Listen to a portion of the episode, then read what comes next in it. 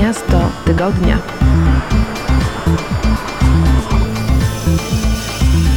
Witajcie, nazywam się Błażej Grygiel, zapraszam na kolejny odcinek audycji Miasto Tygodnia. Tym razem rozmowa będzie na tyle ciekawa, że rozbijemy ją na dwie części. Pierwszy odcinek przed Wami, kolejna część za tydzień. Rozmawiamy o wyjątkowej lokalizacji w Indonezji, po której oprowadzi nas zawodowy fotograf, podróżnik i badacz tajemnic. Zapraszam. Miasto Tygodnia.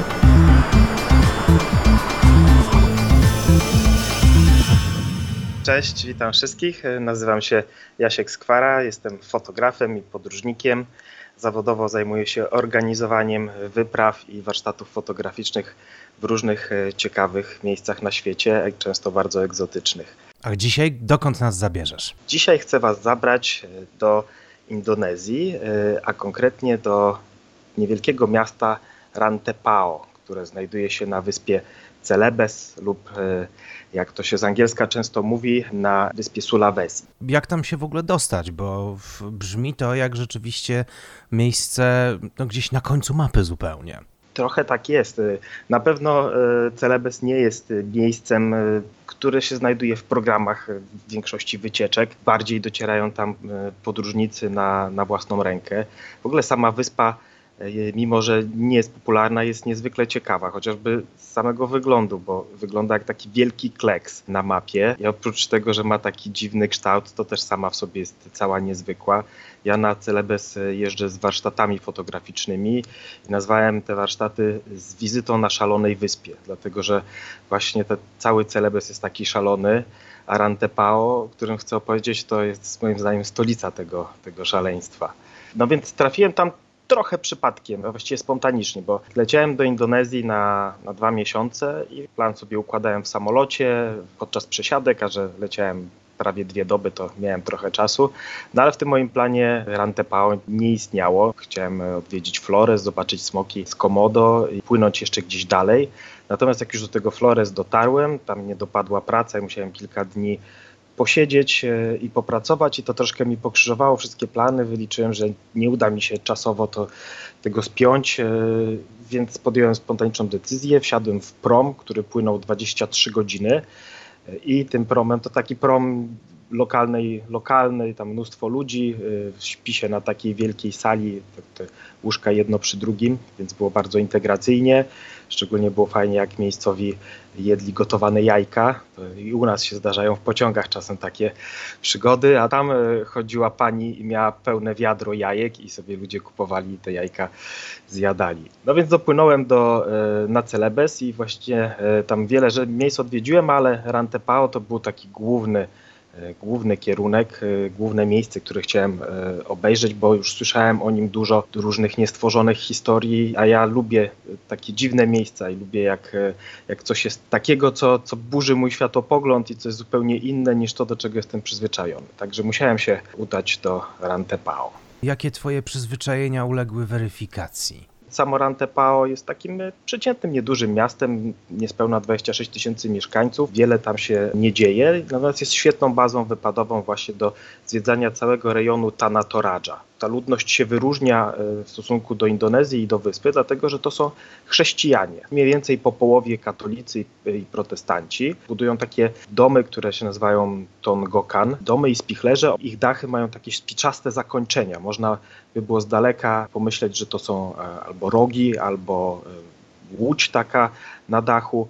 I właśnie są takie dwie teorie na pochodzenie tych domów, dlatego że sami Toradżowie uważają, że ten dach symbolizuje rogi bawołu, a bawoł jest dla nich najważniejszym zwierzęciem. Natomiast antropolodzy się nie zgadzają z tymi lokalnymi mieszkańcami i uważają, że jest to nawiązanie do przeszłości Toradżów, którzy kiedyś mieszkali nad, nad wybrzeżem i byli bardzo silnie związani z morzem i to właśnie ten, ten dach ma symbolizować łódź. No to muszę Ci powiedzieć, że nikt nie przyjeżdża do Tana Toradża, żeby podziwiać widoki. Skoro nie widoki, to co? No właśnie, to może się wydać szokujące i niesamowite, ale wszyscy przyjeżdżają e, do Rantepao, żeby oglądać śmierć, bo śmierć dla Toradżów jest najważniejszym elementem życia. Przede wszystkim jedzie się tam zobaczyć i wziąć udział w pogrzebach. I te pogrzeby, one się bardzo różnią od naszych przede wszystkim trwają kilka dni. Najbiedniejsze ubiedoty trwają e, minimum dwa dni, a, a takie już e, ludzi należących do, do wyższych sfer potrafią trwać tydzień albo, albo i dłużej. W tych pogrzebach bierze udział cała wieś czy cała okolica z rodzina zjeżdża z innych stron Indonezji, nawet z zagranicy, więc jest to wielkie wydarzenie, podczas którego się ucztuje i oddaje cześć temu zmarłemu. Zanim ci opowiem o samym pogrzebie, to muszę wspomnieć o bawołach. Chodzi o to, że bawu, według ich wierzeń, jest przewodnikiem duszy w zaświaty. Jest wymagany na pogrzebie, a lepiej niż jeden przewodnik to jest więcej przewodników, więc yy, każda rodzina stara się e, mieć jak najwięcej bawołów na, na, tym pogrzebie i te bawoły składane są w ofierze. I wygląda to tak, że tych bawołów może być kilka, kilkadziesiąt, a nawet sto przy pogrzebach najbardziej znanych e, mieszkańców e, regionu. Pogrzeb bez bawoła się odbyć nie może. Żeby być zaliczonym do takiej wyższej klasy, to trzeba złożyć w ofierze minimum 24 bawoły podczas tych, tych pogrzebów wyższej klasy to musi być przynajmniej 7 bawołów takiego specjalnego rodzaju. Musi być bawoł albinos, bawoł, który został w młodości wykastrowany, bawoł, który ma czarną kropkę na czole, bawoł bardzo silny, no i tam jeszcze, jeszcze jakieś rodzaje. I to wszystko trzeba kupić. Najtańszy to jest 1500 dolarów za samicę, ale specjalne bawoły potrafią kosztować e, olbrzymie pieniądze i słyszałem, że najdroższy bawoł, jaki został sprzedany, albinos, kosztował 250 tysięcy złotych.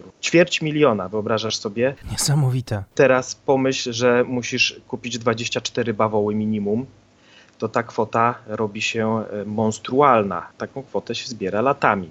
Co prowadzi do kolejnej niesamowitej rzeczy, czyli takiej, że zwłoki potrafią na pogrzeb czekać nawet kilka lat i to ciało trzyma się w domu. Ma się specjalny pokój i dopóki się go nie pogrzebie, nie uważa go się za zmarłego, tylko za chorego. Czyli takie ciało sobie leży, mumifikuje, e, a mieszkańcy, domownicy, rodzina przynoszą dwa razy dziennie pożywienie, co jakiś czas myją, co jakiś czas przebierają, rozmawiają sobie nawet i tak żyją latami z, ze zwłokami w domu.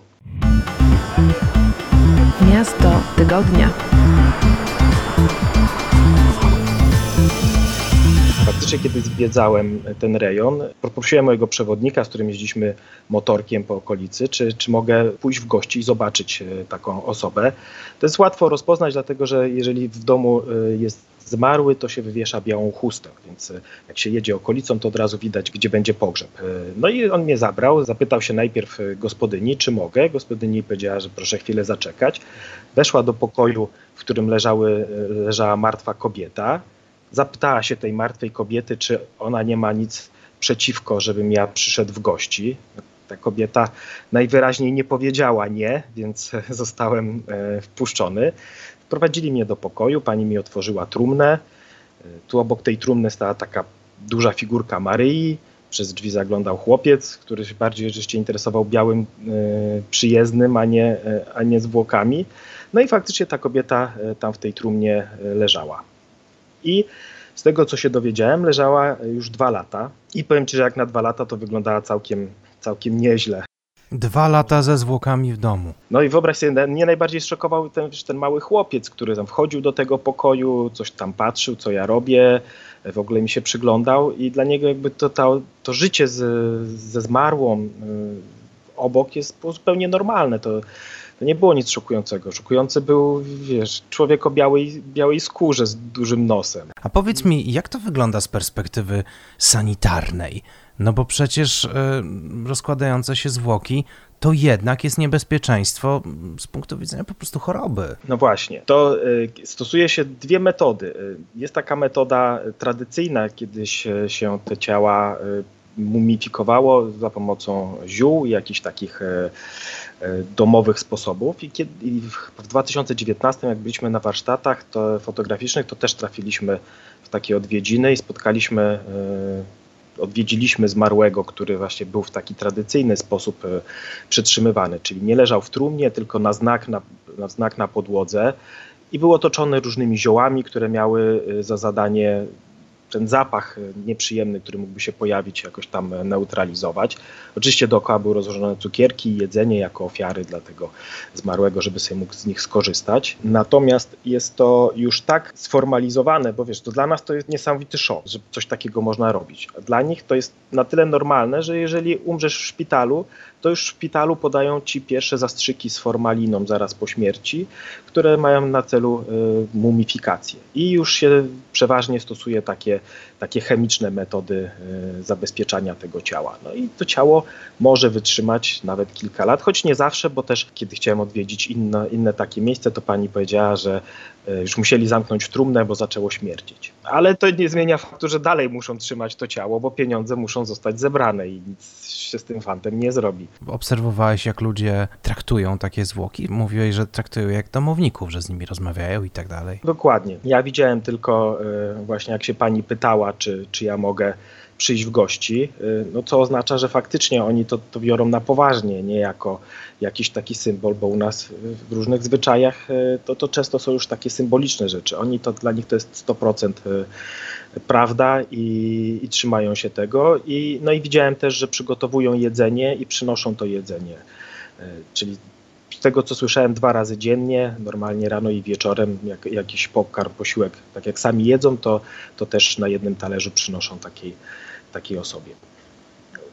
To jest, wydaje mi się, jakiś też sposób na pogodzenie się z, z czyimś odejściem, bo nie traktuje się zmarłego jak zmarłego, to nie jest zamknięty etap. To ma się jeszcze miesiące albo lata, żeby, żeby się z tą sytuacją pogodzić, kiedy ten zmarły jest takim bytem pomiędzy. Jest gdzieś, niby go już nie ma, ale właściwie chcesz porozmawiać, to możesz przyjść i porozmawiać. Dziękuję Wam za wysłuchanie pierwszej części naszej rozmowy z Janem Skwarą i zapraszam. Za tydzień kontynuujemy podróż do indonezyjskiego Rantepao. Do usłyszenia. Miasto tygodnia.